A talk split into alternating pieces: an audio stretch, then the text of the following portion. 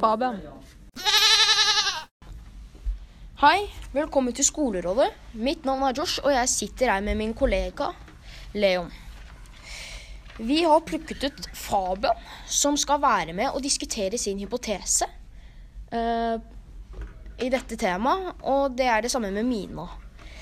Hun er ekspert på det vi skal snakke om, og hun kommer fra Oslo VGS. Eh, nå skal jeg lese opp uh, innlegget. Hei, jeg er en gutt på 15 år som henger med en fast gjeng, og har gjort det i mange år.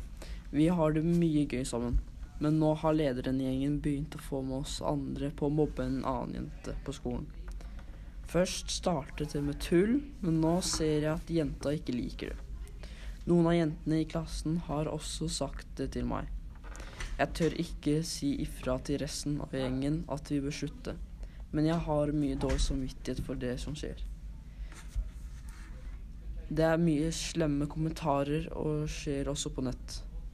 Lederen i gjengen sier ofte at ingen må snitche, og jeg er redd for å miste vennene mine om jeg sier ifra.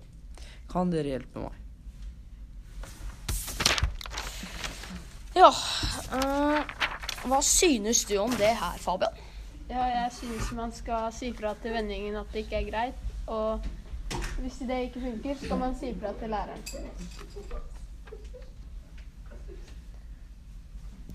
Ja, eh, det var en veldig fin hypotese du hadde der, Fabian. Eh, Vi skal høre litt med Minar.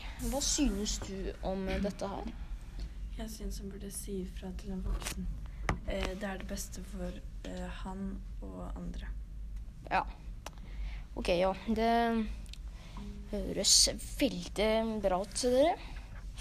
Jeg synes nemlig at eh, han skal si ifra til vennegjengen og prøve å få Prøve å få stopp på det her. Kanskje med å Kanskje med å se om å Se om eh, noen andre fra vennegjengen synes, synes at dette ikke er greit. Og da kan det kanskje være litt enklere å stoppe der. her. Eh, hva med deg, eh, Leon? Jeg er helt enig. Mm, eh, man bør si fra til en lærer eller noen i vennegjengen som du stoler på.